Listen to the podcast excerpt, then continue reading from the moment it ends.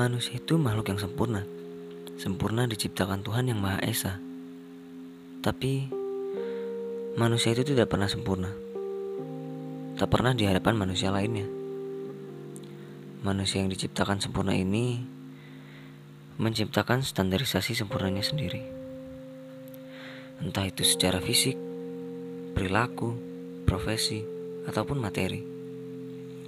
Fisik yang proporsional, yang enak dilihat katanya. Entah ada apa yang salah dengan mata mereka.